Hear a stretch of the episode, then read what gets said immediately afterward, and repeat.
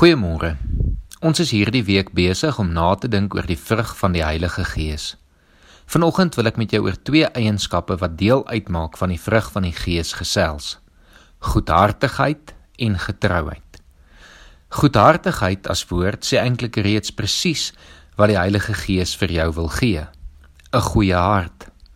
Onthou die vrug van die Gees is in die eerste plek iets wat binne in ons gebeur en laterlik uiterlik weerspieël word. God wil vir elkeen van sy kinders 'n goeie hart gee, 'n hart wat vry is van kwaad, woede, haat, konflik en enige iets boos of sleg.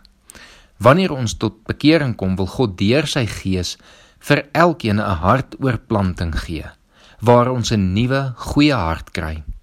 Esegiel 36 vers 26 sê: Ek sal julle 'n nuwe hart en 'n nuwe gees gee. Ek sal die kliphart uit julle liggaam uithaal en julle 'n hart van vleis gee. God wil ons 'n hart gee wat goed en mooi is, wat sy liefde deur jou liggaam laat pomp en liefde aan die wêreld uitstraal. Goedhartigheid as vrug van die Gees is in die eerste plek 'n hart wat God se liefde ken en deur jou eie lewe laat vloei. Maar later dit ook aan die wêreld rondom jou uitstraal. Spreuke 4 vers 23 sê: Wees veral versigtig met wat in jou hart omgaan, want dit bepaal jou hele lewe.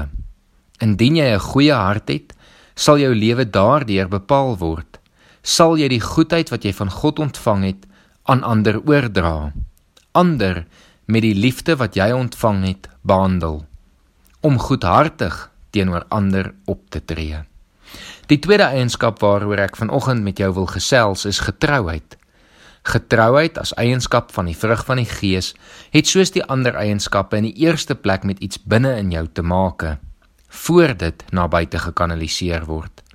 Uiteindelik wil God deur die vrug van die Gees ons leer om soos hy te wees.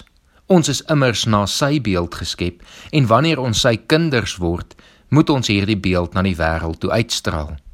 Die Bybel maak dit baie duidelik vir ons dat God getrou is. 1 Johannes 1 vers 9 sê God is getrou en regverdig. Hebreërs 10 vers 23 sê laat ons styf vashou aan die hoop wat ons bely want God is getrou. Hy doen wat hy beloof het. Getrouheid is dus in die eerste plek 'n eienskap van God, maar dit is 'n eienskap wat hy vir ons deur sy gees wil gee want ons moet sy beeld hier op aarde verteenwoordig. Dit is egter nie die beginpunt nie. Die beginpunt van getrouheid is binne jou verhouding met God. Die Heilige Gees wil jou 'n getroue hart en gesindheid teenoor God gee, want jy is immers sy bruid. Daar is 'n verhouding wat tot stand gekom het toe jy as nuwe mens met 'n nuwe hart gebore is. Dit is egter vir God baie belangrik dat jy getrou sal wees in hierdie verhouding en hom altyd eerste sal stel. Daarom wil hy deur sy gees vir jou getrouheid aanleer. Dit kom eintlik terug op die belangrikste gebod. Jy moet die Here jou God lief hê met jou hele hart, al jou krag en jou hele verstand. 'n Getroue hart maak hierdie moontlik en indien jy so getrou aan God leef, sal dit effekte in jou lewe bring.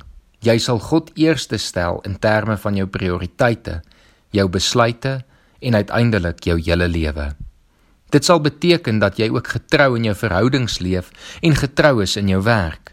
As die Heilige Gees vir jou getrouheid as vrug gee, sal dit jou 'n betroubare persoon maak. Die Griekse woord wat hier vir getrouheid gebruik word, veronderstel standvastigheid. Indien jy in 'n standvaste verhouding met die Here staan, sal dit jou meer standvastig in jou lewe maak, want God is standvastig. Hy is getrou en omdat hy getrou is, wil hy hê ons moet sy beeld van getrouheid uitstraal in hierdie wêreld.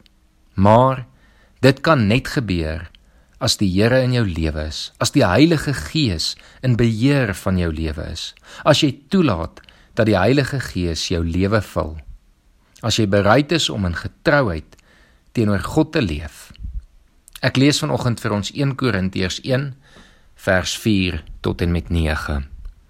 Ek dank my God altyd oor julle vir die genade wat hy in Christus Jesus aan julle geskenk het, want in hom het God julle in alles ryklik geseën, veral in die gawes van woord en kennis.